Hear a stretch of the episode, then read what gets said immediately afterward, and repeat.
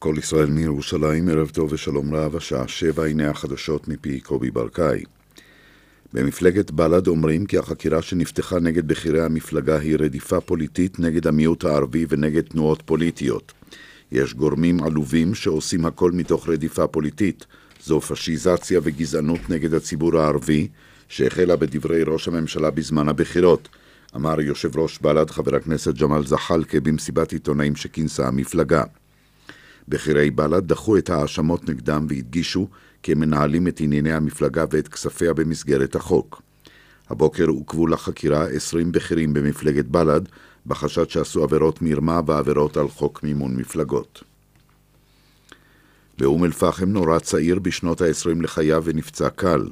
כתבתנו אורלי אלקלעי מוסרת כי מהמקום נמלטה מכונית, המשטרה מחפשת אחר היורה. המשטרה חוקרת מדוע פונו הערב לבתי חולים 11 תינוקות שחזרו מגן ילדים בקריית אונו בשל הקאות. צוות מגן דוד אדום פינה שישה מהם לבית החולים תל השומר וחמישה לבית החולים שניידר. כתבנו לירן חוג'אינוף מוסר כי מצבם של כל התינוקות, בני שנה עד שנה וחצי, קל. מושל מדינת ניו יורק אנדרו קוומו אומר כי מחקירה ראשונית עולה שאין קשר בין הפיצוץ שהיה אמש לבין גורמי טרור בינלאומיים. זה היה פיצוץ מכוון שנועד להרוג, אך עדיין איננו רואים קשר לטרור בינלאומי, אמר המושל. כתבנו אסף זלינגר מוסר כי בפיצוץ נפצעו 29 בני אדם, רובם קל. אתמול בבוקר התפוצץ מטען צינור בניו ג'רסי, ובמנהטן נמצא לפנות בוקר מטען מאולתר, סיר לחץ ממולכד מחובר לטלפון נייד.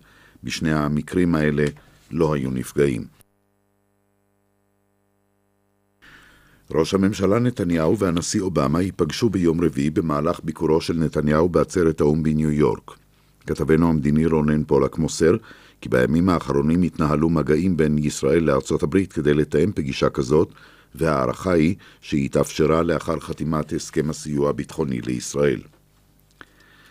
רופאיו של הנשיא התשיעי שמעון פרס החליטו הערב להפחית בהדרגה גם את התמיכה הנשימתית בו, בד בבד עם הפחתת מינון חומרי ההרדמה הניתנים לו.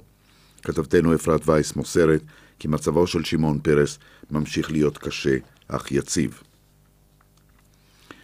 המנהיג העליון של איראן, חמינאי, אומר כי ארצות הברית מעוניינת לנהל עם המשא ומתן בנושאים אזוריים, ובמיוחד לגבי סוריה, עיראק, לבנון ותימן. אך מטרתה של ארצות הברית היא למנוע את נוכחותה של איראן באזור, משום שטהרן היא זו המביאה לכישלונותיה של ארצות הברית. חמינאי אמר את הדברים בנאום למפקדי משמרות המהפכה. בתאונת דרכים בדרך 75 סמוך לבית שערים פגעה מכונית באופנוע. רוכב האופנוע בן 25 נפצע קשה והוא עבר לבית החולים רמב"ם בחיפה. כך מוסרת כתבתנו אורלי אלקלעי. בסכנין נפצעו אחר הצהריים שני הולכי רגל, גבר ונער, מפגיעת מכונית. הם נפגעו בינוני וקל. הסתיימו העיצומים במשרדי הממשלה בתל אביב, לאחר שהושגו הבנות זמניות בין ועדי העובדים וההסתדרות לבין ההנהלה ונציבות שירות המדינה. כתבנו שרון עידן מוסר כי העובדים ימשיכו לקבל תוספת של חצי שעה ביום לשכרם בשל עבודות הרכבת הקלה באזור. המשחקים הפראלימפיים בברזיל האצן גדי ירקוני סיים את המרתון באזור קופה קבאנה במקום התשיעי בשלוש שעות חמש דקות ועשרים ותשע שניות. כתבנו ליאן וילדאו מוסר כי ירקוני אינו רואה ועשה את הדרך בליווי המאמן שלו. בשל החום התייבש בסוף המרתון ונזקק לטיפול, אך מצבו טוב. הלילה בחצות ייסגרו שלוש תחנות רכבת בתל אביב, האוניברסיטה, סבידור והשלום, בשל עבודות תשתית. העבודות יימשכו עד יום שלישי הבא. עקב כך תצומצם תדירות הרכבות ויחולו שינויים בקווים לתל אביב וממנה. עורך החדשות יובל גנור, התחזית, מחר התחממות, עד יום רביעי ימשיך להיות חם מהרגיל, ביום חמישי ירידה בחום. הטמפרטורות המרביות מחר, בירושלים ובתל אביב 30 מעלות, בחיפה 29, בבאר שבע 35 ובאילת עד 38 מעלות. זה סוף החדשות מכל ישראל. רשת ב' של כל ישראל, כל החדשות, השידור הציבורי שלכם ובשבילכם. מיד דין ודברים, אך לפני כן מוקד התנועה איתן גור, בבקשה. ערב טוב איריס לביא, ערב טוב למאזינים, הנה הדיווח. בגאה דרומה עומס תנועה ממורשה עד מחלף גנות. באיילון דרומה עמוס ממחלף רוקחת לגוארדיה, צפונה עומס מקרן קיימת עד גלילות. דרך 395 מערב עומס תנועה מכיסלון עד אשתאול. דרך תל אביב אשדוד עומס תנועה ממחלף השבעה עד מחלף ראשון לציון. בדרך ירושלים מודיעין עמוס מצומת עטרות עד גבעת זאב. בדרך ירושלים תל אביב עומס מגינות סחרוב וממנהרת ארזים עד מחלף חמד בגלל תאונת דרכים. הרשות הלאומית לבטיחות בדרכים מזכירה רוכב אופנוע, שים לב למצב הכביש, הורחב על פי תנאי הדרך. עד כאן ממוקד התנועה של כל ישראל לדיווחים נוספים, כוכבית 9550 מכל מכשיר טלפון, סעו בזהירות וערב טוב. הנחות מוגדלות לחג במגה בוויקטורי ובקינגסטור למשלמים באשמורת 360. למורים ולגננות יש רק בית אחד, הסתדרות המורים.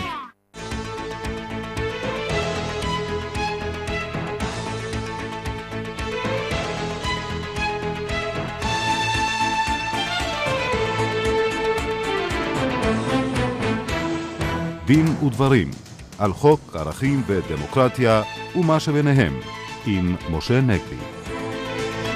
שלום לכם, עורכת התוכנית אורית ברקאי, בהפקה דפנה אברהם, טכנאי השידור אילן אזולאי, כאן ליד המיקרופון משה נגבי ואיריס לביא.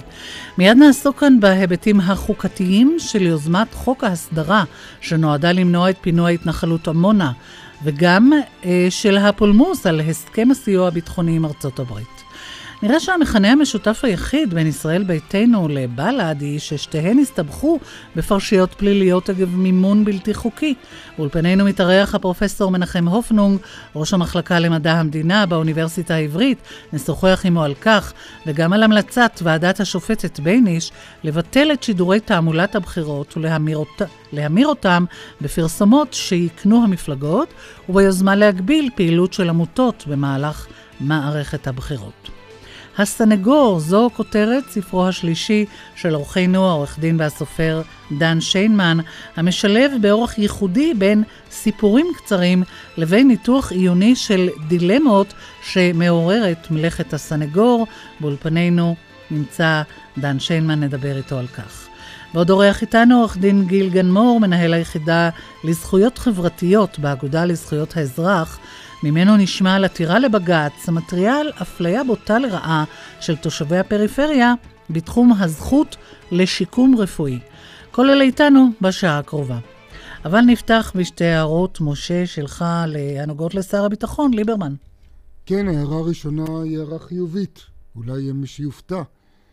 אני חושב ששר ליברמן אמר דברים מאוד נכוחים כאשר הוא הבהיר בדברים שהוא אמר באוניברסיטת אריאל בשבוע שעבר שאין מצב, אין סיכוי שהתנחלות עמונה תישאר על מכונה. אני לא יודע אם הוא התכוון לומר את הדברים מנקודת מבט משפטית, אבל מנקודת מבט משפטית, לעניות דעתי, הוא צדק אה, לחלוטין. יש פה כמה וכמה בעיות משפטיות. קודם כל, כמו שאנחנו יודעים, גם על פי עמדת המדינה, אולי בעיקר על פי עמדת המדינה, מדובר בבנייה בלתי חוקית. ובנייה בלתי חוקית, אחת דינה להתפנות במדינת חוק. מעבר לזה, יש פה בעיה שנובעת מכך שמדובר בבנייה בשטחים על קרקע פרטית. ואני רוצה להבהיר, אני לא נכנס פה לסוגיה השנויה במחלוקת לגיטימית אולי, האם ההתנחלויות הן בלתי חוקיות או חוקיות. כמו שאנחנו יודעים, למדינת ישראל יש עמדה רשמית שההתנחלויות הן חוקיות, שלא כל כך מקובלת על רוב הקהילייה הבינלאומית, אבל חשוב להדגיש, דווקא אותו אדם שאחראי יותר מכל על ניסוח והנמקת העמדה הרשמית הישראלית שההתנחלויות הן כן חוקיות או לא בלתי חוקיות בהכרח, משום שהשטחים הם לא בהכרח שטחים כבושים, ואני מתכוון למאיר שמגר, הנשיא בדימוס של בית המשפט העליון, שניסח את העמדה הזאת כבר כשהיה פרקליט צבאי ראשי ולאחר מכן יועץ משפטי לממשלה לאחר מלחמת ששת הימים, דווקא הוא כמעט באותה נשימה אמר, נכון, על פי עמדתנו השטחים אינם שטחים כבושים, אבל למרות זאת ישראל מקבלת עליה לכבד בהם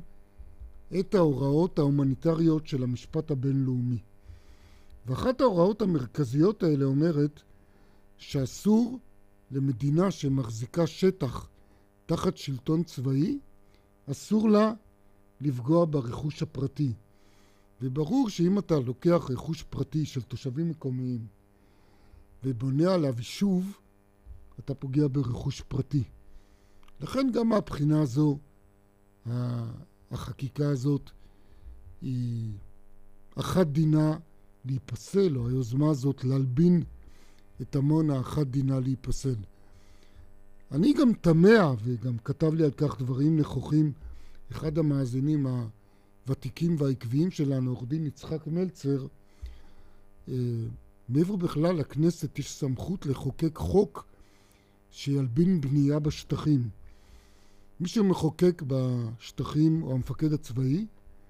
המפקד הצבאי כפוף לשר הביטחון על פי חוק יסוד הצבא, ועל עמדתו של שר הביטחון כבר דיברנו. אבל אני רוצה גם להעיר שתי הערות ערכיות, אה, איריס, מעבר לחוק היבש. השופט משה לנדאו, כידוע, מי שהיה נשיא בית המשפט העליון, לאחר פרישתו יצא מן הארון הפוליטי והסגיר את העובדה שהוא איש ימין, תומך uh, בהתיישבות בארץ ישראל. הוא ישב בזמנו בפסק הדין הידוע של אלון מורה, ששם עסקו כידוע בסוגיה דומה, בעצם שם נקבע העיקרון שאסור לבנות על קרקע פרטית, מכל הסיבות שמניתי פה. וכתב שם השופט לנדאו משפט מאוד חזק בעיניי ומאוד נכון. הוא אמר שלקיחת קרקע פרטית של פלסטינים והקמת יישוב עליו זה דבר שהוא לא רק לא דמוקרטי, לא רק לא יהודי, גם לא ציוני. הוא אמר שהקול האותנטי של הציונות אומר שזכותו של עם ישראל לשוב לארץ ישראל, כולל אגב לשיטתו של השופט לנדאו ליהודה ושומרון, אבל בשום אופן לא לנשל את התושבים שנמצאים כבר בשטח מהזכויות האזרחיות שלהם. והערה אחרונה, גם אם בדרך כלשהי חוק כזה יעבור, אני די בטוח שהוא ייפסל בבג"ץ, כי צריך לזכור, אחת הזכויות שמעוגנות בחוק יסוד כבוד האדם וחירותו היא זכות הקניין. ואמרנו כבר, זה פוגע בזכות הקניין.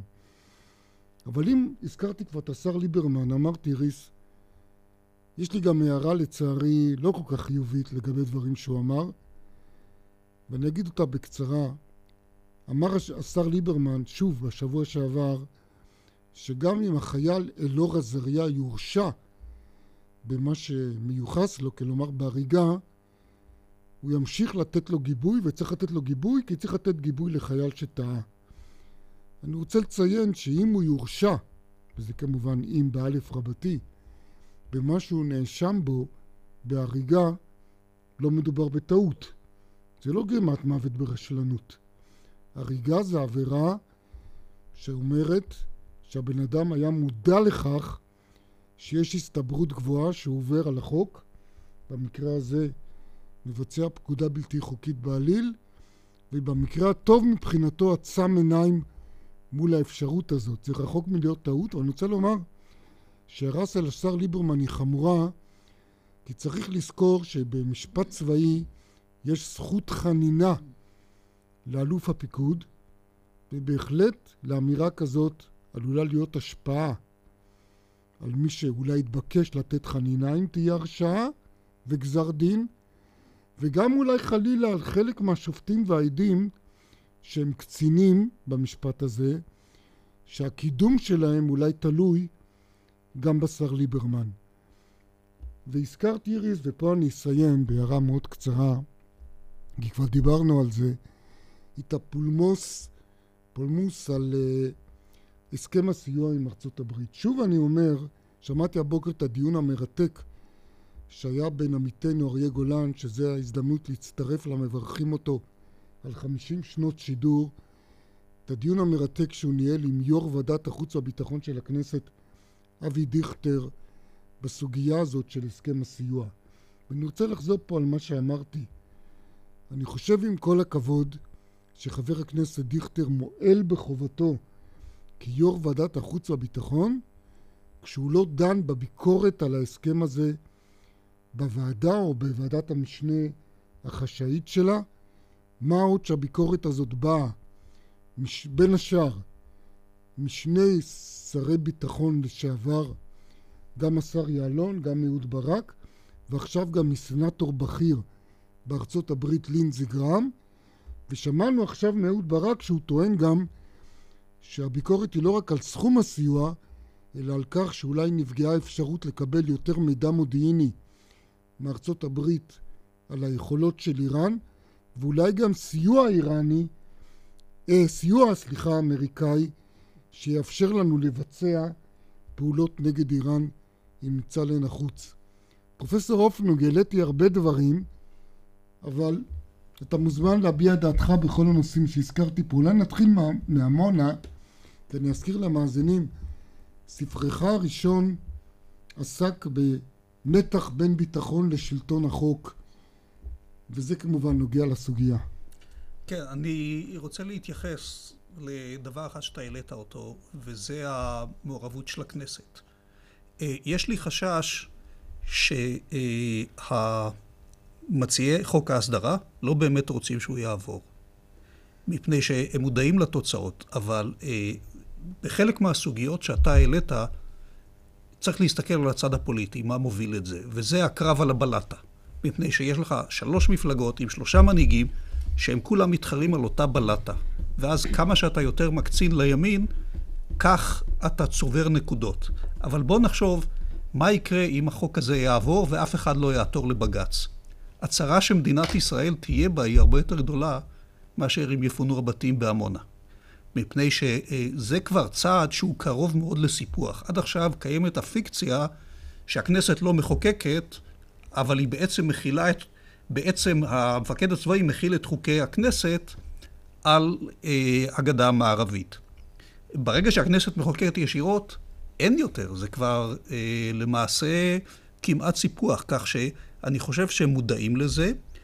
הם היו רוצים להצטייר כמי שמביאים את זה ושהאופוזיציה בולמת.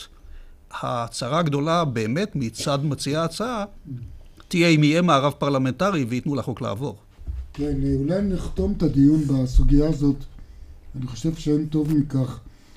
בציטטה מהדברים שאמר חבר הכנסת בני בגין לאסתי פרז היום ביומן הצהריים שלנו, שהוא אמר שמה שנקרא חוק ההסדרה זה בעצם חוק הגזל.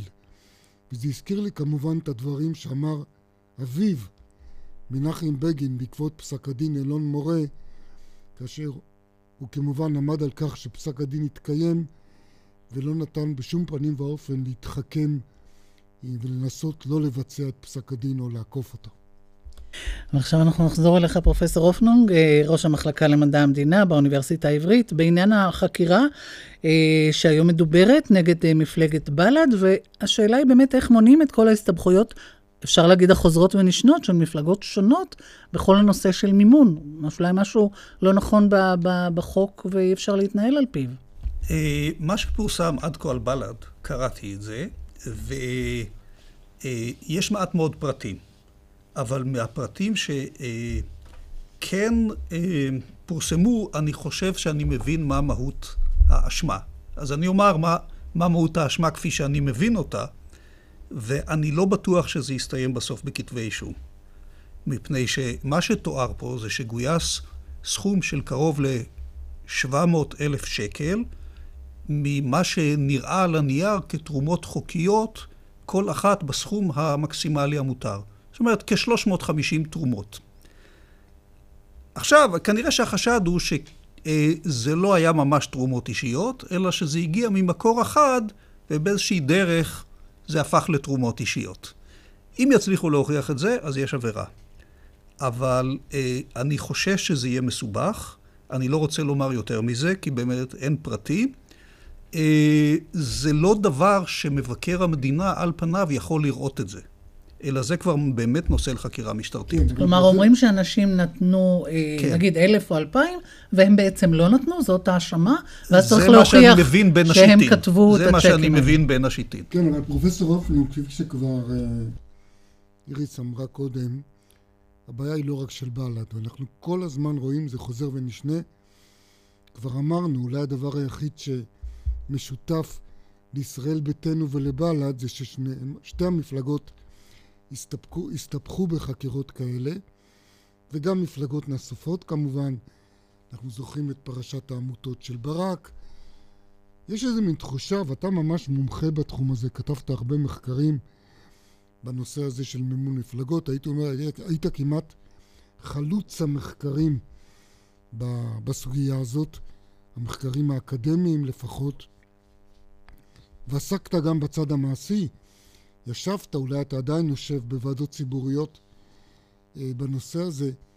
יש איזה מין תחושה, ונשמע על זה אחר כך אולי גם מילה מעורך דין דן שיינמן מהניסיון האישי שלו, יש איזה מין תחושה, אני עוד זוכר, מספיק זקן לזכור, שחוקקו את החוק של מימון מפלגות קיוו, שזה באמת יפתור את התופעה הזאת של תרומות שמשחיתה. אבל יש איזה מין תחושה שהחוק באיזשהו מקום כמעט מעודד שחיתות, כי הוא לא פותר את הבעיה של ההתמודדות עם בעיית המימון, והשאלה אם לדעתך אפשר לשפר אותו בצורה שתמנע את המצב הזה שעוד פעם ועוד פעם מסתבכים, אה, כמו שאמרתי, כמעט כל המפלגות. אה, א', אני רוצה אולי קצת להסתייג ממה שאתה אמרת. כשאנחנו משווים באופן יחסי, במיוחד ככל, ככל שהדברים אמורים בבחירות לכנסת, מצבה של ישראל לעומת דמוקרטיות אחרות הוא מקום טוב באמצע, אפילו בחלק העליון. הדברים במקומות אחרים הם פחות מוסדרים והם יותר גרועים. יש כמה מדינות כמובן שהן יותר מתוקנות, אבל לא הרבה. אז, אז נתחיל עם זה. עכשיו, אם אפשר לתקן, כן. כן. אני יכול לתת אה, כמה דברים, ש... כמה, כמה פתרונות אפשריים, שאם רוצים אז אפשר לתקן אותם. אה, דבר ראשון, יש הצעה שבוועדה הציבורית, בוועדת, בראשות השופט לוין, שישבתי בה לפני כ-16 שנים, אנחנו העלינו את זה, וזו ההצעה לעשות תמהיל אחר בין תרומות אישיות, שהיום מותר לתרום סכומים קטנים מאוד, לבין המימון הציבורי. זאת אומרת, להרשות סכומים, להרשות תרומות בסכומים יותר גדולים קצת, ולהפחית את המימון הציבורי. כי היום, בשנה רגילה, אתה יכול לתרום עד אלף שקל, בשנת בחירות קצת יותר מאלפיים. אלה הם סכומים קטנים, אבל, ולכן מפלגות כמעט לא מפנות לשם אה, מאמצים. כי הרבה יותר קל לגייס חמישה מיליון בכמה תרומות גדולות, מאשר חצי מיליון בתרומות מותרות. מפני שאז אתה צריך 250 תרומות, וזה כמעט כן. בלתי אפשרי, אף אחד לא מגיע לזה. אה, אז אה, זה הייתי משנה. עכשיו, דבר נוסף, היום המפלגות מקבלות גם הרבה מאוד כסף לצורך המימון השוטף, מה שנקרא. כן. אה, בין מערכות בחירות. והכסף הזה כולו משועבד לטובת מערכת הבחירות שהסתיימה. אם אתה עושה הבחנה, חומה סינית, בין המימון השוטף לבין המימון אה, של הבחירות, אז יש סיכוי שתקבל יותר פעילות פוליטית בין מערכות הבחירות בצורה מסודרת, ולא שיהיה רק זה. הדבר האחרון אולי, והוא מתייחס גם לפריימריז, שהיא מערכת הרבה יותר פרוצה. מאשר כן. המימון של הבחירות. ושם יש פרצות כן. רציניות. כן. כן. זה להעביר חלק ממימון הבחירות הגדול שכבר נותנים לטובת מפלגות שמקיימות פריימריז, ובכך אתה נותן תמריץ רציני לקיום דמוקרטיה פנימית בתוך המפלגה. פה אני באמת רוצה לעבור לעורך דין דן שיינמן. לפני שפצחת בקריירה הספרותית שלך, אתה הצגת את עומרי שרון באותו משפט שהיה לו שהיה קשור לקמפיין של אביו, אריאל שרון זיכרונו לברכה, ואפילו הבאת שם את פרופסור הופנונג כעד מומחה, אולי משהו על סמך ניסיונך. כן, אה, המצב הוא כזה, שיש אמנם בבחירות כלליות, גם לרשויות המקומיות, יש מימון מפלגות שהמדינה נותנת, וזה פתר את הבעיה בבחירות ה... לכנסת או לרשויות המקומיות. מבחינה זו אנחנו במצב טוב. הבעיה לא נפתרה לחלוטין בכל מה שקשור למימון של פריימריז. שם אין מימון של המדינה. ושם נוצרת בעיה גדולה, משום שאנחנו רוצים שיהיו פריימריז, ופריימריז, בעיקר לראשות מפלגה גדולה, יש לה עלות כספית עצומה. אז מאיפה ייקחו את הכסף? קודם כל, התורמים הקטנים במפלגה לא יתרמו את הסכומים האלה. ב', לבוא בכלל לאנשים עמידים במשק ולבקש מהם תרומה, יש בזה בעייתיות גם מבחינת ריח של שוחד לפחות. אז אנחנו נמצאים כאן במצב שאנחנו לא נותנים פתרון, וזה לא רק כאן, זה אותו דבר ברשויות, ברישיונות, בחוקי הבנייה. אנחנו יוצרים מצב שהבירוקרטיה סותמת כל אפשרות לקבל באופן חוקי ונאות לקבל רישיונות, ואז מתחילה תעשייה שלמה של מאכערים ושוחד. וזה אותו דבר, כשמונה אמנון רובינשטיין כשר התקשורת, הוא אמר, במצב היום, כשצריך לחכות שמונה שנים לטלפון, איך לא יהיה שוחד? המטרה שלי היא ליצור מצב שאנשים יוכלו לקבל טלפון מיד, ואז לא יהיה שוחד, וזה מה שקרה. כלומר, אנחנו לא יכולים לבנות מבנה שלטוני... אין שוחד בתחום הטלפון. לא, כן, אני, כן. לא, אני אומר, אנחנו, אנחנו כמדינה כן. חייבים ליצור מנגנונים שיפתרו גם את הבעיה של מימון פריימריז. כרגע העניין לא פתור, ואז אנחנו רצים להעמיד לדין, ומתחילות בעיות של כביכול הסתבכות עם החוק, או לא כביכול. ברור, כאשר בעצם המצב, אתה, אתה בעצם, אומר, לא מאפשר. אתה בעצם מציב את האנשים במצב שהם אומרים, אין לנו ברירה, ואז יש בעיה שזה חוק שה... תקנה שהציבור לא יכול לעמוד בה. אנחנו רוצים לדבר על עוד ענייני בחירות, אבל אחרים, ולשאול אותך באמת את דעתך, פרופסור אופנוג, על זה. המלצת אה, ועדת השופטת בייניש לבטל את שידורי תעמולת הבחירות, להמיר אותם בפרסומות שיקנו המפלגות. כאן, שוב, כל מי שעשיר אה, יוכל אה, לעשות הרבה שעות פרסומת. אני, אני רוצה פה להבחין בין שני דברים. ככלל אני מתנגד להצעה, ואני אסביר למה. אבל אה, הסיבה שאני מתנגד לה היא כזאת. אה, היום זמן האוויר שמפלגות מקבלות בתשדירי הבחירות הוא לא עולה להן כסף. זה חלק מתנאי הזיכיון של המשדר, שהוא חייב לתת אה, זמני שידור mm-hmm. בזמן תעמולת הבחירות. לכן, למפלגות שרק מתייצבות בזירה הפוליטית, יש אפשרות להגיע במחיר זול מאוד לציבור. מה? אולי לא לכל הציבור. כי אתה, אה, טכנית, היום אפשר לעשות, אה, לצורך העניין, להפיק תשדירים כאלה בטלפון סלולרי. ומה רע בזה? לא, אני אומר, זה טוב. אה, זה טוב. מה okay. שהם מציעים זה לבטל. כן. כן.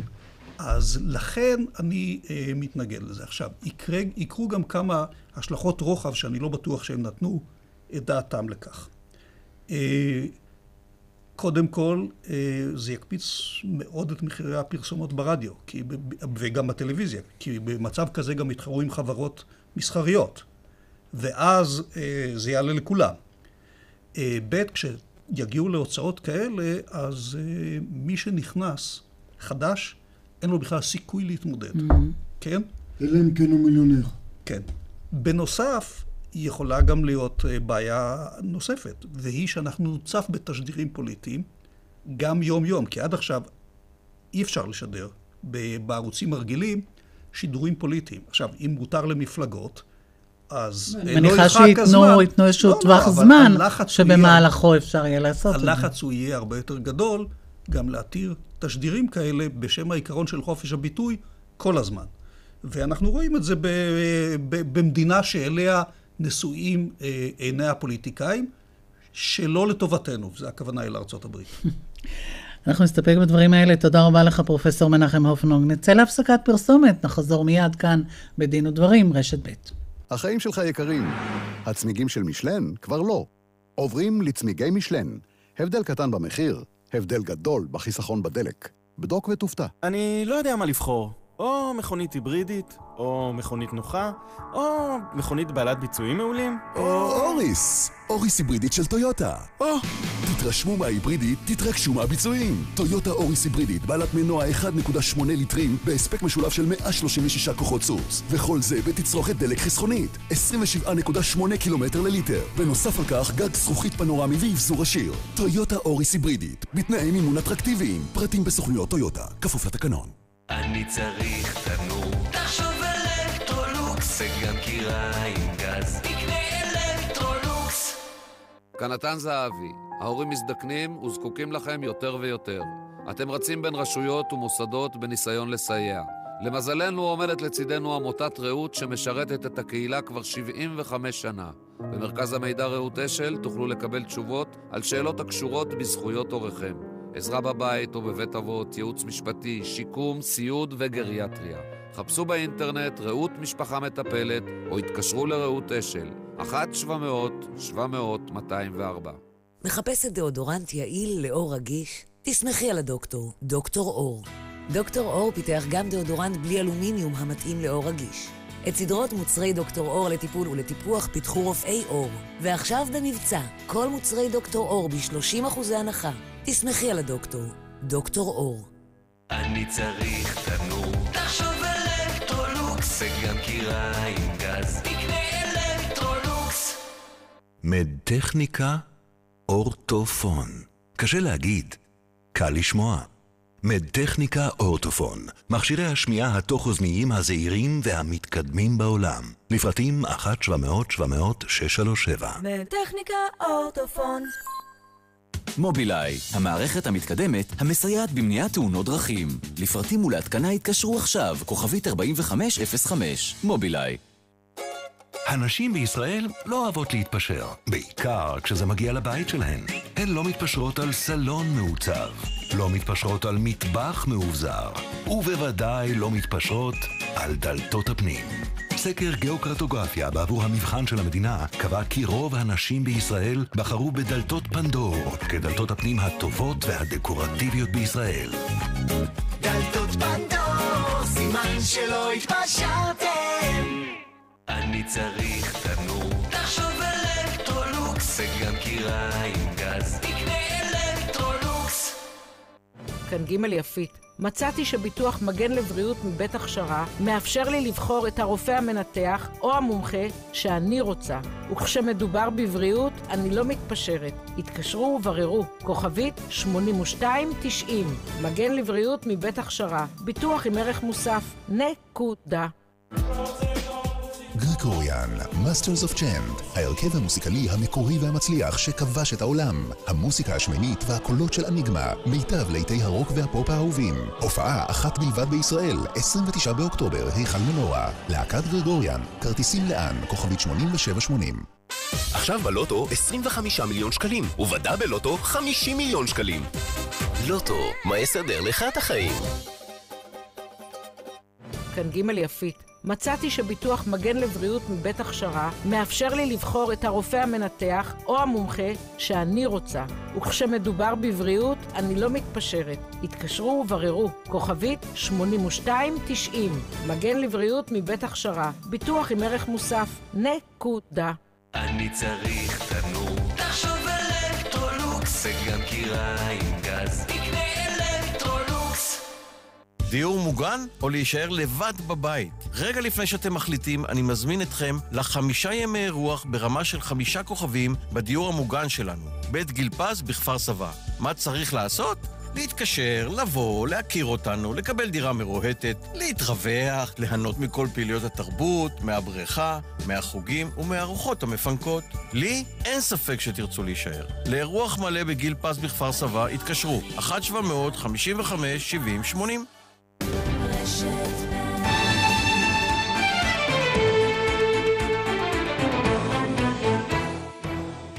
חזרנו אליכם כאן בדין ודברים רשת ב'. הסנגור, זו כותרת, ספרך השלישי, עורך דין והסופר דן שיינמן, הוא משלב בין סיפורים קצרים וניתוח הדילמות העולות מהן. ערב טוב לך. ערב טוב.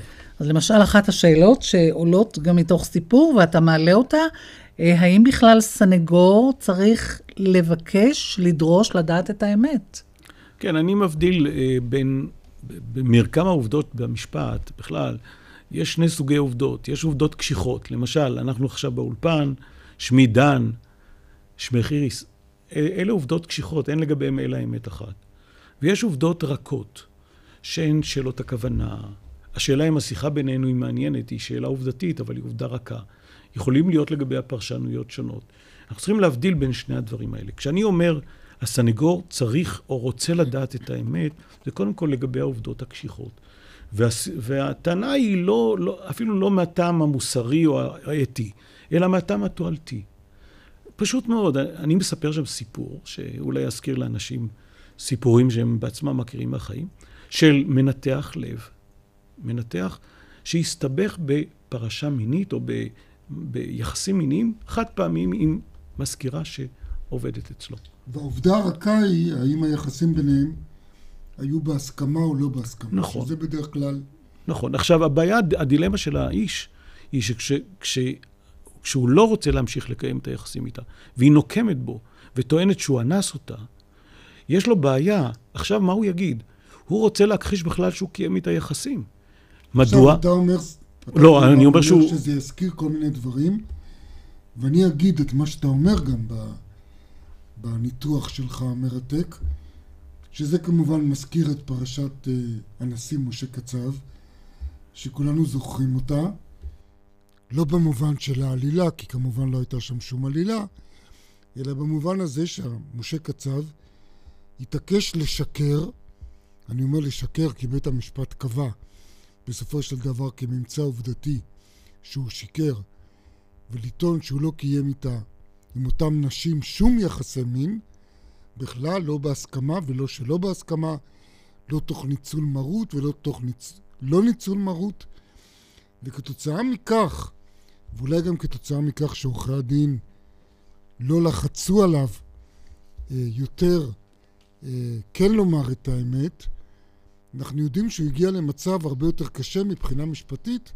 מאשר היה מגיע אולי אחרת. אני בספר אינני מתייחס למקרה של קצב. אתה אני, מזכיר אותו, אבל. אני מזכיר אותו בהקשר אחר, לא בהקשר כן. הזה, וכל אחד ייקח את זה לאן שהוא רוצה. אני באמת, אה, אה, הסיפור הזה הוא סיפור שבו, כשה, כשנפתחת חקירה, הנאשם הזה, מנתח הלב, עומד בפני דילמה. כי הסיבה שהוא רוצה לשקר לגבי עצם קיום היחסים, היא בגלל היחסים שלו עם אשתו. הוא חושש שאם הוא יודה בקיום יחסים, הוא יהרוס את חיי הנישואים שלו. לכן זו הדילמה שלו. וכשהוא בא אל עורכת הדין, עורכת הדין מבהירה לו, תראה, אם אתה תכחיש את היחסים, איבדת בכלל את היכולת שלך לטעון לשאלת ההסכמה. אתה לא יכול לבוא ולהגיד, אני לא... הסכמה על משהו לא, שלא אני לא- עשיתי. אני לא קיימתי. את היחסים, אבל לחילופין, היא הסכימה. זה היה בהסכמה. ואז הוא זה כמו נאלץ... שהוא לא יכול לטעון היום שהוא מתחרט על משהו שהוא אומר שהוא לא עשה. עכשיו, עכשיו, הוא היה, הוא כתוצאה מזה נאלץ לבוא לאשתו ולהתוודות בפניה, והוא לוקח את כל הסיכונים, וכאן הסיפור מסתבך כפי שהוא מסתבך, אבל לפחות מבחינת המשפט... כן, אבל הייתי רוצה באמת, עורך דין שיינמן, סליחה. לזה אני מתכוון, כן. לצאת מהסיפור הקונקרטי שאני כן. ממליץ לכל מאזיננו, כמובן, אה, לרכוש את הספר ולקרוא אותו, ואת יתר הסיפורים, באמת לסוגיה, כי כפי שאתה בעצמך אומר, ואני חושב שזה חלק ממה שיפה ומאתגר בספר מבחינתי, הדעה שלך, הייתי אומר, זה לא הדעה המקובלת. כלומר, רוב האנשים יגידו, הסנגור לא צריך לשפוט את הלקוח ולא צריך לשפוט את הגרסה של הלקוח, אלא הוא צריך לזרום איתו. וכמובן גם מתעוררת פה שאלה נוספת. מה קורה אם למרות הצעתך ללקוח, הלקוח בכל זאת מתעקש על הגרסה, אתה לא מאמין לו, האם אתה חושב שאתה יכול להמשיך לייצג אותו? אתה צריך להמשיך לייצג אותו? טוב, איך מתמודדים עם כן. זה? קודם כל צריך, צריך לזכור שאתה נמצא ביחסים הכי קרובים עם הלקוח. המחיצות שבינך לבין הלקוח הן הכי, הכי פעוטות, הכי קטנות, בהשוואה למשל למחיצות שקיימות בינו לבין התובע, בינו לבין החוקר ובינו לבין השופט. אתה יכול לשאול אותו שאלות ישירות, אתה יכול לתחקר אותו, אתה יכול להעמיד לו שאלות קשות, אם... אבל השאלה היא קודם כל, מה מטרתך? האם אתה רוצה לגלות את האמת? קודם כל, זה לא אומר שתמיד תצליח. ייתכן מאוד שלא תצליח. אבל ברגע שזאת השאיפה שלך, אתה מגדיל מאוד את הסיכוי להגיע לכך. ואני אומר שברגע שאתה מגיע לעובדות הקשיחות, לאמת, ואתה הולך עם האמת, אז אתה פותח לעצמך מצב אחר מבחינת היכולת שלך להתגונן. כי הרבה פעמים עשית את הדבר, ירית בקורבן, קיימת יחסים, אבל זה לא אומר שביצעת עבירה. אגב, פה אני אזכיר שסיפור נוסף שלך באמת עוסק בשאלה, ששוב, על אחריותי אני אומר, עשויה להזכיר את הסיטואציה של שי דרומי, או מה שהיה לאחרונה עכשיו בעמק חפר, כוונה פלילית באמת בהריגה, שבן אדם מנסה להכחיש את עצם הירי, או את עצם העובדה הקשה, כפי שאתה קורא לה, של ההריגה, ולכן מסתבך והוא נמנע ממנו להביא את הנסיבה המקילה של הנסיבות. בסיפור שלך זה כן. מצב נפשי בהחלט. וכולי, ופה אתה מעלה נקודה לדעתי שמאוד מחזקת את עמדתך, ואותי על כל פנים שכנעת, אתה אומר גם, סניגור צריך להבהיר ללקוח שהשאלה זה לא רק אם תצא אשם לא אשם, אלא גם הנסיבות יכולות להשפיע על העונש, יכולות להשפיע על הקלון, אם אתה איש ציבור, הזכרנו קודם. ללא ספק. אנשי ציבור וכולי, אולי קצת כן, בנקודה הזאת. כלומר, השאלה, השאלה שעומדת בסופו של דבר במשפט, היא לא רק אם אתה אשם או לא אשם, אלא השאלה לפעמים הרבה יותר חשובה היא, מה מידת האחריות שלך? כי אתה יכול, להיש... יכול להיות שאתה אשם, אבל הנסיבות הן כאלה שבסופו של דבר תקבל עונש מאוד מופחת. למשל, המקרה של כרמלה בוחבוט, שהרגה את בעלה באופן, במכוון, החליטו כתוצאה מהנסיבות המיוחדות, שהייתה אישה מוכה, כן. החליטו קודם כל להעמיד אותה לדין על הריגה. ועל הריגה אז כבר אין עונש מאסר עולם חובה. בסופו של דבר בית המשפט העליון פסק לה שלוש שנים, כן. והם אמרו, היא הייתה אישה מוכה, הנסיבות היו כאלה. לכן, השאלה של הנסיבות היא מאוד מאוד חשובה. מה עם נושא השאלה... של זכות השתיקה? לא, אבל השאלה, אומר? השאלה הקשה היא בעצם, תראי, כשהלקוח בא ומתוודה בפניך, בוודאי שאתה לא יכול ללכת נגד העובדות שהוא התוודה, ואחר כך ללכת ולטעון טענה הפוכה.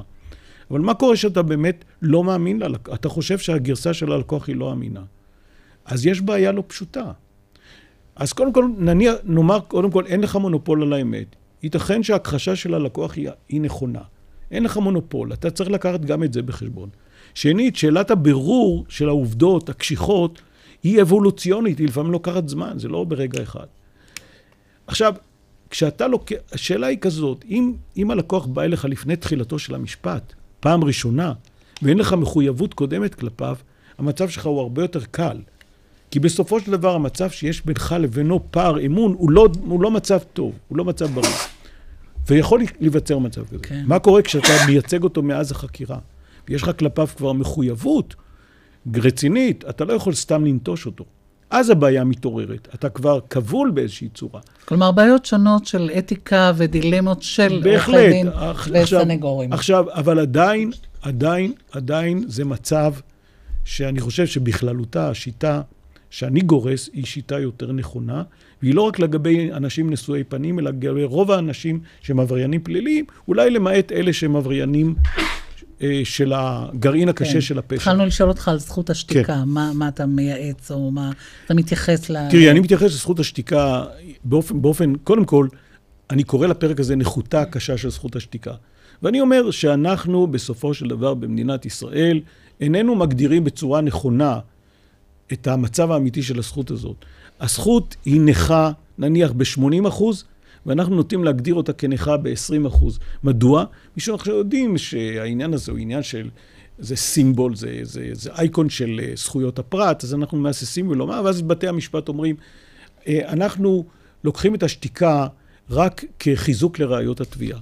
וזה לא המצב. אתה אומר שזה בעצם פיקציה? זה בעצם... אני אומר כן. נתפס כראיה לפעמים שיכולה להרשיע את הנאשם. ראיה רצינית בפני עצמה, מדוע? בעצם זה שהוא שתק. משום כן. שאומרים, כבשת את עדותך, ולכן אנחנו לא מאמינים לך. ואז זה הופך להיות ראיה מאוד רצינית. ואז השאלה היא, אם כך הדבר, ואנחנו בעצם גורמים לאנשים ל- ל- לתת גרסה בתנאים מאוד קשים של חקירה, בתנאי לחץ, שאדם יכול גם להפליל את עצמו לשווא, או לתת גרסה לא, לא תקינה. אני אומר, במצב כזה אנחנו צריכים באופן מקביל גם לאפשר במשפט לשקלל מחדש את ההודעה, ולהיות הרבה יותר פתוחים לשאלת המשקל האמיתי של, ה, של הדברים שנאמרו. וזה לא כל כך קורה אצלנו היום. זה פחות או יותר המסר המרכזי בנושא של זכות השתיקה. יש לנו עוד, אה, אני אזכיר עוד דילמה אחת שאתה מעלה בסיפורים שלך, וזה דילמה של חקירה נגדית. כן. כולנו מכירים את הקטעים הדרמטיים האלה בסדרות טלוויזיה, בסרטים, שעדים קורסים על דוכן העדים, כמו שאתה כותב בצדק, זה לא בדרך כלל המציאות. ואני רוצה לשאול אותך בגדול, האם זה נכון שבאמת סנגור ינקוט חקירה נגדית אגרסיבית, או ינסה דווקא ללכת בדרכי נועם, כאילו להביא את אותו עד שהוא מלכתחילה, מהצד השני כמובן, שהוא חוקר חקירה נגדית, להביא אותו, למסור לו את מה שהוא רוצה, ואתה פה בעצם עושה הבחנה בין שני סוגים של עדים, אולי בקיצור. כן, אני, מד- אני מדבר על עדים מורלים, שהם עדים שבאים בכוונה לשקר. כמו לפעמים, לפעמים מצב שקורה לגבי עדי מדינה. יש להם לבין עדים- אינטרס, קודם כל. כן, שיש להם אינטרס, והם באים על מנת לשקר, לבין עדים שאומרים דבר לא נכון בגלל כל מיני סיבות. חושים לא, לא, לא, לא מחודדים, זיכרון לא, לא טוב, ולפעמים הדחקות, או כל מיני... אז זה... אליהם אתה הולך בדרכי נועם, זה כדי לא להביא בדרכי יותר. אם. אם פורמולת ההגנה שלך היא נכונה, אז גם החקירה הנגדית שלך תצלח. אני לא מאמין שאתה יכול להוכיח שעד דובר אמת הוא דובר שקר. זה לא המטרה. אבל להוכיח שדובר שקר הוא דובר שקר, זאת חוכמה, עדיין חוכמה גדולה, אבל היא מותנית בכך שאתה בא מבסיס של, של, של עמדה. מוצקה. אז אתה גם יכול לשכנע את בית המשפט. אני עורך הדין דן שיינמן. שהספר שלך הוא בעיניי מאוד מקורי מבחינת השילוב הזה של הסיפורים עם הדילמות, עם הניתוח העיוני המרתק, ומהבחינה הזו הייתי ממליץ גם לתרגם אותו, כי אני חושב שחלק מהדברים שלו הם לא ייחודיים לישראל, יש להם בהחלט מסר וערך בינתיים הוא בעברית. הסנגור, זה שמו. אני מודה לך על המחמאה. תודה. תודה רבה לך, עורך דין דן שיינמן. ועכשיו אנחנו עוברים אל האורח שלנו, עורך דין גילגן מור, ראש היחידה לזכויות חברתיות באגודה לזכויות האזרח. אתם עתרתם לבג"ץ נגד אפליה בוטה לרעה של תושבי הפריפריה בקבלת, לא להאמין, שירותי שיקום רפואי. במה מדובר? נכון, שירותי שיקום הם אה, שירותים שנמצאים בסל הבריאות, והמטרה שלהם היא לאפשר לאדם שעבר תאונה, שבץ אה, או מחלה קשה, אה, להשתקם ולחזור בעצם לתפקוד רגיל, אה, כך שהוא לא, מצבו לא יידרדר, הוא לא יהיה נטל על החברה. מה שנקרא ללכת לשיקום, שלו. בדיוק, ללכת כן. לשיקום. כמו שהולכים בבית לוינשטיין או במקומות שמיועדים לשיקום, זה ענף מאוד מאוד חשוב. איך זה, איך, איך מתבטאת האפליה הזו? אז אנחנו בעצם אה, אה, במשך אה, תקופה ארוכה קיבלנו תלונות גם מתושבים בדרום וגם מתושבים בצפון על מחסור חמור בשירותי השיקום. אם נסתכל על נתונים שקיבלנו ממשרד הבריאות, אז אפשר לראות שאם מסתכלים על מיטות, מיטות שיקום, המצב הוא שבצפון ובדרום יש חמישית מהמיטות שיש בתל אביב אה, אה, פר אלף נפש. פר אוכלוסייה, לפי פר המספר, אוכלוסייה, כן. בוודאי. Mhm. אה, ובשיקום ילדים המצב הוא עוד הרבה יותר חמור. אין בכלל שיקום ילדים, אין מוסד לשיקום ילדים בכל הצפון והדרום. כל המוסדות הן אה, הם אז מה באזור עושים אגב? המרכז. זורקים, שולחים אותם למקומות מרוחקים אתה אומר מעיר במרחק הולדתם. של יותר מ-100 קילומטר לפעמים לנסוע ל... נכון. אנשים צריכים אה, בעצם להגיע אה, מרחקים אה, אדירים ממקום המגורים שלהם, כדי להגיע למוסד שיקום, אם זה בבית לוינשטיין ברעננה, או אם זה בתל השומר. והמצב הזה הוא פוגע בתושבי הפריפריה בכמה רמות. קודם כל, יש אנשים שלא מסוגלים לעמוד במרחק הזה ופשוט מוותרים על הטיפול השיקומי. אה, דבר שני, אלה שלא מטפלים ומגיעים למרכז, ואנחנו הבאנו פה תצהירים של אה, שתי אימהות, אחת מהן אה, גליה גנון, שהמקרה שלה הוא מאוד מפורסם, אה, הבת שלה דורון נפצעה במועדון הפורום בבאר שבע. אה, הם גרים בדרום, אה, ולא היה שום אה, מוסד שיקומי שמתאים לה בכל אזור מגוריה, ולכן היא צריכה, הייתה לעבור את השיקום בתל השומר. והיא מתארת לנו בתצהיר את המצב הקשה שבו בעצם משפחות מהדרום ומהצפון צריכות לעבור להתגורר במרכז, הכל על חשבונן כמובן, או לנסוע כל יום אה, שעות כדי אה, כדי ללוות... לתמוך, אה, ללוות כדי לתמוך בבן המשפחה, שזה דבר שהוא אה, כמובן חלק מהשיקום. אה, ופה יש אה, אפליה. הטענה שלנו, המשפטית, היא מאוד פשוטה. אה, הרבה מאוד שנים מדברים באמת על אי שוויון אה, בבריאות, על פערים בבריאות. אה, והשפה הזאת היא בעצם נשמעת כמו משהו כמעט אה, טבעי, כי אין, משהו שאין מה לעשות. אבל אנחנו רואים שבמשך הרבה מאוד שנים המדיניות הזאת היא נשמרת אה, והיא לא משתנה. ולכן אנחנו בעצם רוצים לדבר על מנגנון ההקצאה של משאבי הבריאות. ופה יש סעיף בחוק בר... ביטוח בריאות ממלכתי, שאומר שצריך לספק את שירותי הבריאות שבסל בזמן מרחק ואיכות סבירים. אבל שר הבריאות לא קבע מעולם לפחות בהקשר לנושא השיקום, מהו מרחק אה, זמן ואיכות סבירים. ולכן, כשקופות החולים באות לספק את השירות הזה, והן מספקות אותו בצורה שהיא ללא ספק מפלה, אין שום דרך בעצם לבוא ול, ולחייב אותן לעמוד באיזשהו סטנדרט שוויוני. אה, ואנחנו חושבים שיש פה אה, פגם מהותי, ובעצם הפנייה שלנו לשר הבריאות היא, אה, אחד, לקבוע את אותם סטנדרטים ולאכוף אותם, ושתיים, להשוות את שירותי אז השיקום. איך, מה, צריך לבנות עכשיו מרכזים חדשים, או להקצות מרכזים ל... לשיקום? אז זה באמת כאב הראש הזה, הוא צריך להיות כאב הראש של שר הבריאות. אה, אנחנו כמובן לא מבקשים בהכרח שיקצו עוד משאבים, אנחנו מדברים על האופן שבו מחלקים את המשאבים, וזה דבר שהוא אה, אה, בהחלט משהו שבג"ץ יכול להתערב בו. אה, ולאחר שייקבע הסטנדרט, מן הסתם יהיה אה, שלב השני, הוא יהיה שלב שבו אוכפים את אותו סטנדרט. ומיישמים. ומיישמים אותו בהקצאות הבאות או בחלוקת המשאבים הבאה. כן, אבל עורך דין גיל גלמור, שוב, אותי כמובן שכנעת, אבל uh, מי כמוך יודע, כמי שמופקד על הזכויות החברתיות באגודה לזכויות האזרח, שזה בדיוק, לצערנו, וזה לא בסדר, סוג הדברים שבג"ץ לא אוהב להתערב בו, דברים שמחייבים הוצאה תקציבית. אמרת, אנחנו רוצים שבג"ץ יקבע מה זה סביר.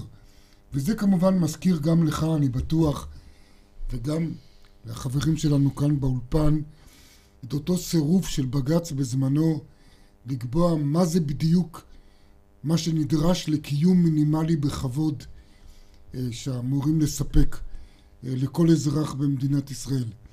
איך אתה מתגבר על החומה הסינית הזאת שבג"ץ אה, בנה בנושא הזכויות החברתיות? אה, נכון, זו דילמה שבאמת אה, מלווה אותנו בהרבה מאוד פעילויות שלנו אה, באגודה לזכויות האזרח.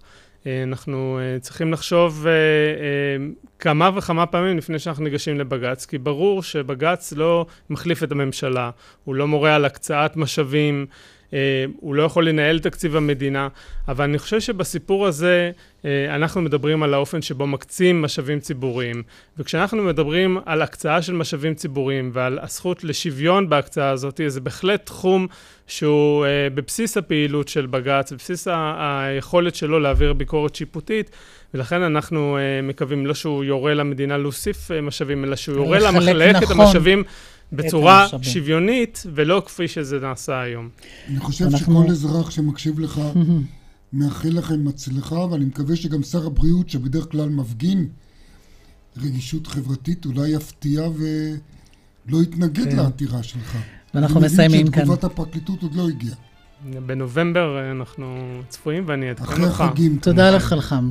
תודה לך, עורך דין אה, גיל גנמור, לעורכי הדין דן אה, שיינמן, לך לפרופסור מנחם הופנונג, עורכת אורית ברקאי, מפיקה דפנה אברהם, הטכנאי אילן אזולאי, באולפן היינו משה נגבי ואיריס לביא. וניתן להאזין לתוכנית באתר רשת ב' וגם ביישומון כל ישראל. נשוב בשידור חי ביום ראשון הבא אחרי חדשות שבע. שלום וערב טוב. זכאים למכשיר שמיעה דרך קופות החולים? רק במדאטון תוכלו לרכוש מכשירי שמיעה מבית אוטיקון עם טכנולוגיית הבינה המלאכותית המתקדמת בעולם. ותקבלו סוללות חינם לשלוש שנים. התקשרו עכשיו 1-800-200-208 אני צריך תנור. תחשוב אלקטרולוקס. וגם כיריים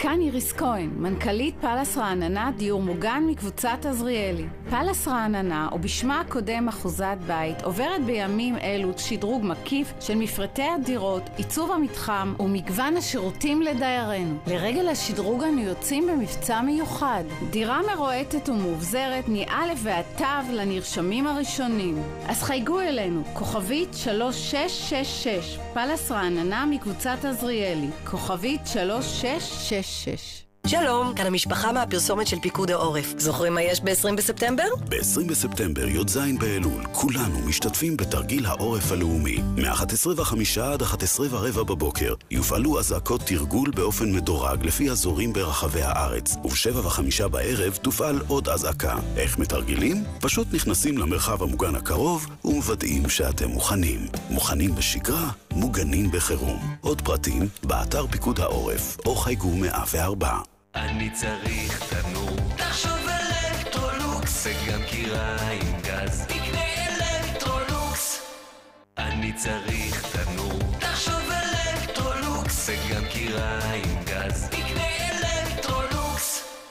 שלום לכם ולכולכם, כאן תקה, הרי התחזית. לפי כל הסימנים הביומטריים והמשקעים הגיאומטריים, מתישהו הקיץ ייגמר ויגיע חורף! שקע, תקע, אין צורך לחשוש מהחורף. אנחנו בחברת החשמל נערכים לקראתו. שוטפים מבדדים, גוזמים עצים ומגייסים צוותי גיבוי. ואתם? התריעו מפני עצים הקרובים לחוטי החשמל. דאגו לחיזוק דוודים, עדניות וכל מה שעלול לעוף ברוח חזקה. כך יהיה לנו חורף בטוח ונעים. איתכם בכל רגע, חברת החשמל. עשרות פעילויות לחגים בהנחה ניכרת, באתר הסתדרות המורים. למורים ולגננות יש רק בית אחד, הסתדרות המורים. רשת מחסני חשמל, במכירה חד פעמית מטורפת, לשלושה ימים בלבד. במכירה יינתנו גם כפל מבצעים, גם כפל מתנות, ועד אלפיים שקלים כסף מתנה על כל החנות. המחיר נמוך מדי, במחסני חשמל. מדטכניקה אורטופון. קשה להגיד, קל לשמוע.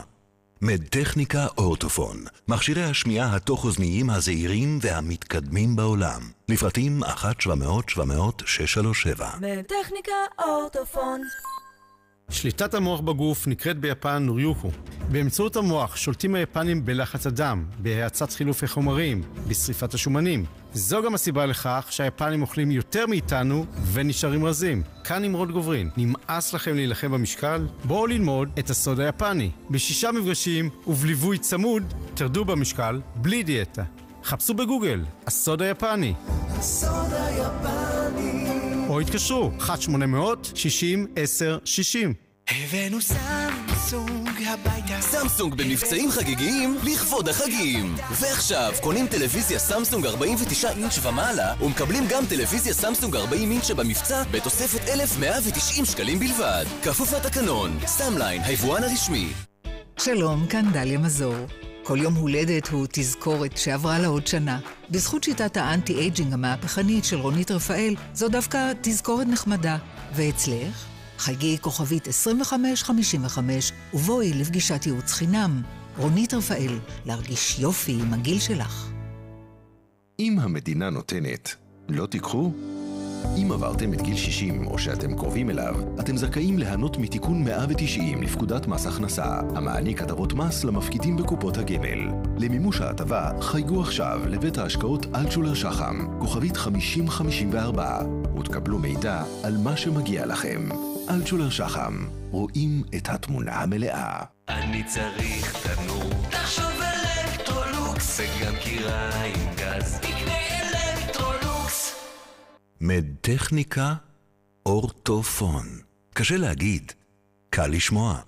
מדטכניקה אורטופון, מכשירי השמיעה התוך-אוזניים הזעירים והמתקדמים בעולם. לפרטים 1-700-700-637.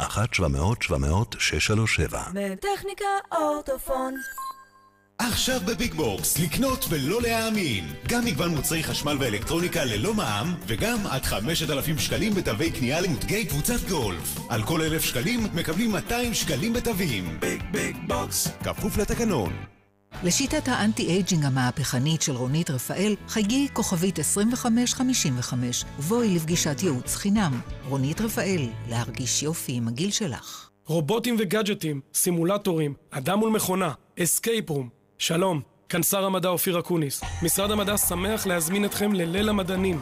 בואו להתנסות בשלל סדנאות ופעילויות לכל גיל, המפתחות חשיבה מדעית וטכנולוגית. ליל המדענים, יום חמישי, י"ט באלול, 22 בספטמבר, במגוון מוסדות מחקר ומוזיאונים בכל רחבי הארץ. בואו בהמוניכם, הכניסה חופשית.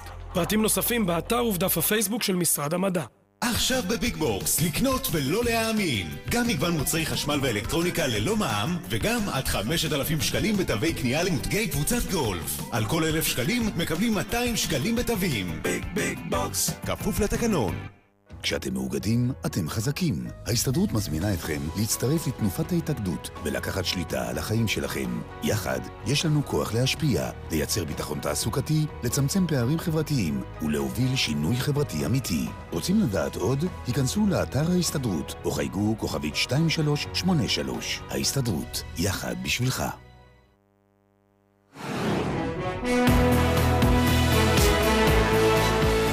רשת ב' של כל ישראל.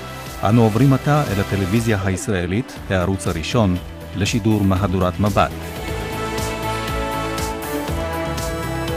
לכם וערב טוב. בעוד שלושה ימים בניו יורק תהיה פגישה בין ראש הממשלה נתניהו לבין נשיא ארצות הברית ברק אובמה. ושוב נמתח קצת החבל ונראה כאילו אובמה מחזיק את נתניהו במתח עד שסוף סוף יש פגישה. אז מה צפוי? יאיר ויינרב כתבנו המדיני. יש להניח גם הפגישה האחרונה בין השניים עד שאובמה מסיים את כן. נשיאותו. טוב, אז ראש הממשלה נתניהו ממש בהודעה שהוא מפרסם את אה, לשכתו לפני זמן קצר, יודה לנשיא אובמה על אותה אה, חבילת אה, סיוע של 38 אה, מיליארד דולרים.